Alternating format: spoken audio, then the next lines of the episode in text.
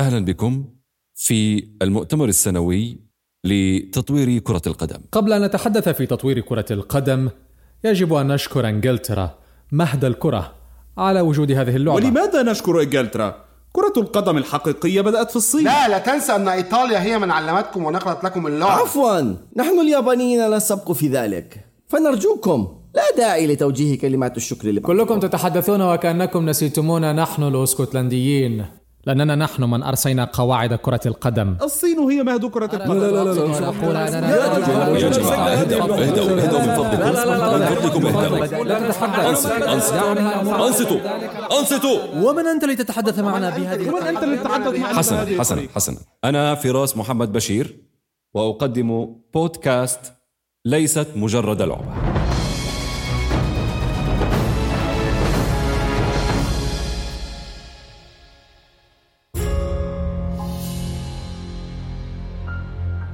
يا ترى كيف بدأنا نلعب كرة القدم؟ بالحجارة؟ بزجاجة فارغة؟ أو بعلبة صودا فارغة مطوية؟ بلفافة من الجوارب محشوة بورق الجرائد وكيف كنا نحكم قانونها ما هي الأرض أو المساحة التي سنلعب عليها هل هي الشارع؟ زقاق الحارات؟ وكيف ستأتي الأهداف؟ ستتعدد الأسئلة والسؤال واحد في هذه الحلقة كيف بدأت كرة القدم؟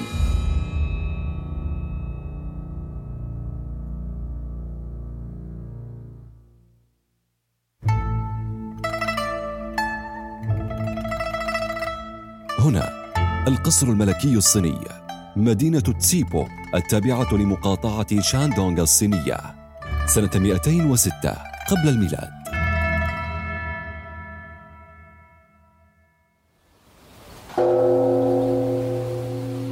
سينزل الملك شيان هان بعد قليل ليلعب السوتشوي مع حاشيته. لا تروق لي هذه اللعبة لأنهم يستخدمون في صنع هذه الكرة جلود الحيوانات. اصمت إنها مسلية بالنسبة لي. 12 لاعبا في كل فريق وهناك حكم ومساعد له في كل منازلة. إنها رائعة. ولا يهمك كل هذا العنف الذي يحدث في هذه المنازلة. ولماذا نلعبها نحن الجيش والحراس؟ اصمت وقد أتى الملك. الملك شيان هان حاكم البلاد.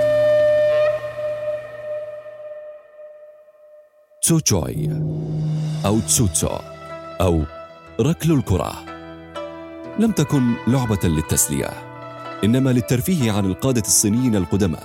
لا سيما في أعياد ميلادهم. كانت تنظم مباريات بين الجنود والمساجين. كانت محصورة على أفراد الجيش كجزء من التدريب.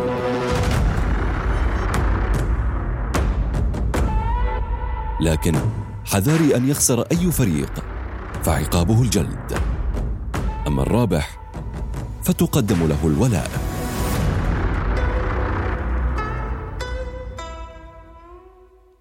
بقوانين متعددة ستمارس الحضارات تلك اللعبة. وبأسماء مختلفة أيضاً.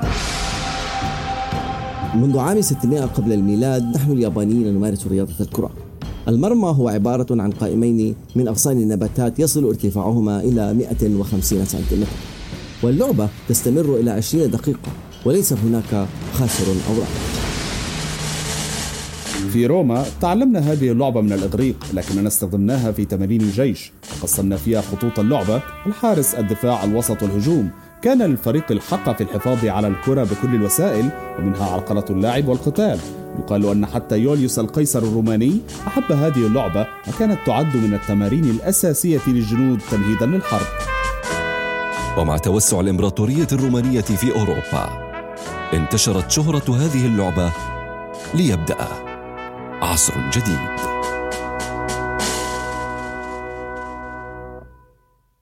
ركل الكرة منذ تلك الفترة سيأخذ أشكالا مختلفة وستساهم في تطوير اللعبة لكن الطريق لن يكون معبدا. ستخلف تلك اللعبة الضحايا وستأخذ أشكالا وحشية وستمنع ممارستها. وسيعاقب من يمارسها. هنا إنجلترا العام 1016 خلال احتفال الإنجليز بإجلاء الدنماركيين عن بلادهم سيلعبون الكرة فيما بينهم ببقايا جثث الدنماركيين. من كل هذه الجثث؟ ولك أن تحزر أقرب أعضاء الجسم شبها بالكرة وأسهلها على التدرج بين الأرجل.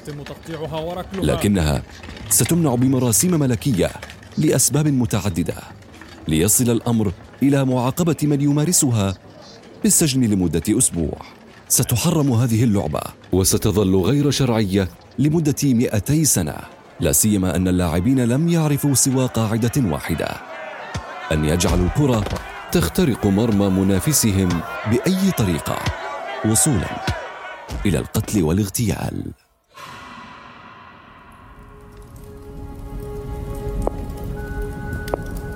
هذه اللعبة الحمقاء والرعاية الصاخبة. ستبدد شعبنا مع تربص كل المعارضين لنا وخيانتهم يا هوغ سبنسر. نعم أيها الملك إدوارد. أعداد الضحايا تكاد تزداد مع ازدياد أيام لعبها والتي امتدت إلى أشهر بحسب بعض الإخباريات التي وصلتنا. سبنسر سأكتب أمرا وسأوقعه الآن لإيقاف هذه اللعبة الدموية. من فضلك هوغ. لن أجد أفضل منك لكتابته وأنت أقرب شخص لي. حسنا أيها الملك. اكتب. نحن ملك إنجلترا إدوارد الثاني. ندين بشدة.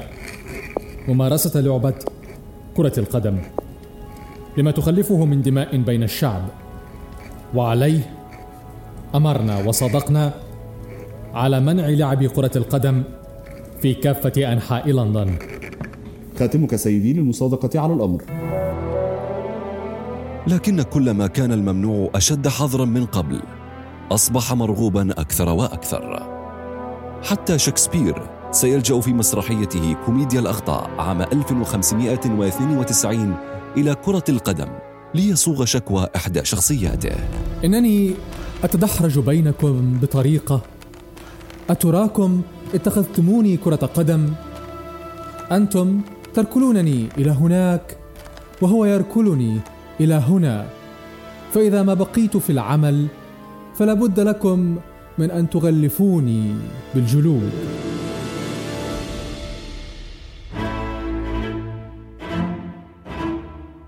مع بدايات القرن التاسع عشر ستطيح الثورة الصناعية بكل شيء للحفاظ على مظاهر مدينة إنجلترا بحظر كل ما هو قادم من عصور ما قبل الصناعة والمدنية وبما فيها كرة القدم.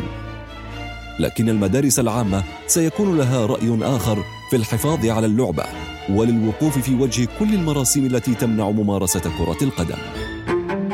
غير أن شدة عنف الطلاب وعدم انضباطهم في المدارس ستعيد كرة القدم بمساعدة رجال الدين في الإيمان بأن العقل السليم في الجسم السليم. سيصبح للعبة نواد بفضل أولئك الطلبة وقانون بفضل تلك المدارس والتي هي تتعلق بركل الكرة ومسكها باليد معا والجري خلفها. ستكون تلك القوانين حجر الأساس قبل الوصول إلى عام 1863 عندما سيجتمع أحد عشر ناديا في حانة فري ميسونز آرم في لندن لوضع أول القوانين لكرة القدم والتي كتبها أبنيزر مورلي هذه هي الوثيقة التي سنوقع عليها. ستكون منضوية تحت اسم اتحاد كرة القدم. هل أنتم موافقون بداية على ذلك؟ نعم نعم نعم, نعم. يبدو جيدا يا موري. نعم نعم. يبدو جيدا يا موري. موافقون. حسنا اولا القاعدة الأساسية أنه يمنع الإمساك بالكرة والعرقلة في اللعبة باستخدام اليدين في دفع لاعب الخصم كما هو في لعبة لا لا لا قبل أن تكمل هذا الهراء هذه النقطة أساسية. اذا لن تصبح هكذا كرة قدم حقيقية. إذا لم نتفق. وإذا لم نتفق. فنحن هكذا سنكمل في لعبتنا. أوف. إذا سيؤجل البت في القرار إلى الثامن من ديسمبر من هذا العام. في الثامن من ذلك الشهر تم تجاوز عقدة الاجتماع الأول حيث منع استعمال اليدين والعرقلة.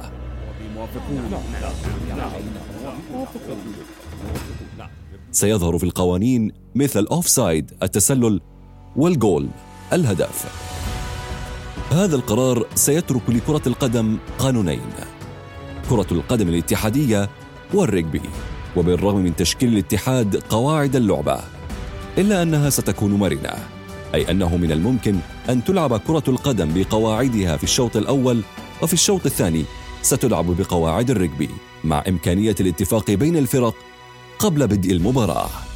لكن من يجعل لكرة القدم ذلك الشغف. وأساسا ليس قابلا للمساومة. تشارلز آلكوك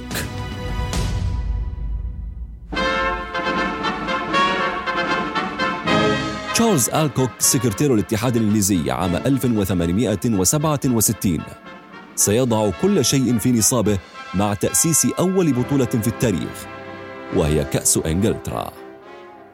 كيف ستكون هذه البطولة بعيدة عن الرجبي يا سيد تشارلز؟ أولا سنحدد لاعبي الفريقين بأحد عشر لاعبا بدلا من عشرة. وطول الملعب لن يزيد عن 184 مترا وعرضه عن 91 مترا. وسيلعب الفريقان بكرة منفوخة بالهواء دائرية الشكل. لا يزيد وزنها عن 450 جراما. وسنضع قانون التسلل في اللعبة. هل تقصد سيد آلكوك أن اللاعب يعتبر متسللا ما دام يتواجد في الملعب في منطقة قبل الكرة كما هو في الرجبي؟ هذا صحيح وأيضا من حق حارس المرمى أن يمسك الكرة بيده وسنضع شريطا أحمر بين العارضتين من أجل تحديد طول المرمى والذي لن يزيد عن سبعة أمتار ونصف تقريبا ومع تلك البطولة بدأت اللعبة في الانتشار لتقام بعدها أول مباراة رسمية بين إنجلترا واسكتلندا. البلد الذي سيظهر فيه كتاب يدعى فوكابيولا لمواطن من أبردن يذكر فيه أن الاسكتلنديين كانوا يلعبون كرة القدم قبل 400 سنة بقوانين شبيهة لكرة القدم اليوم. ليحتدم الخلاف أكثر حول صاحب الفضل في وجود لعبة كرة القدم. الحادي والعشرين من أيار مايو عام 1904 في العاصمة باريس أصبحت كرة القدم لعبة عالمية تحت مظلة الاتحاد الدولي لكرة القدم أو ما سيعرف بالفيفا. بعد إنشاء الفيفا ستتغير قوانين اللعبة مع تقدم الزمن وأضحى في زمننا هذا تدخل التكنولوجيا في العديد من القوانين التي ما زالت محل مناقشة لنشر اللعبة أكثر. كان هذا بودكاست ليست مجرد لعبة. وأنا فراس محمد بشير. لا نستطيع أن نعرف ماذا جرى بالضبط في المكاتب المغلقة.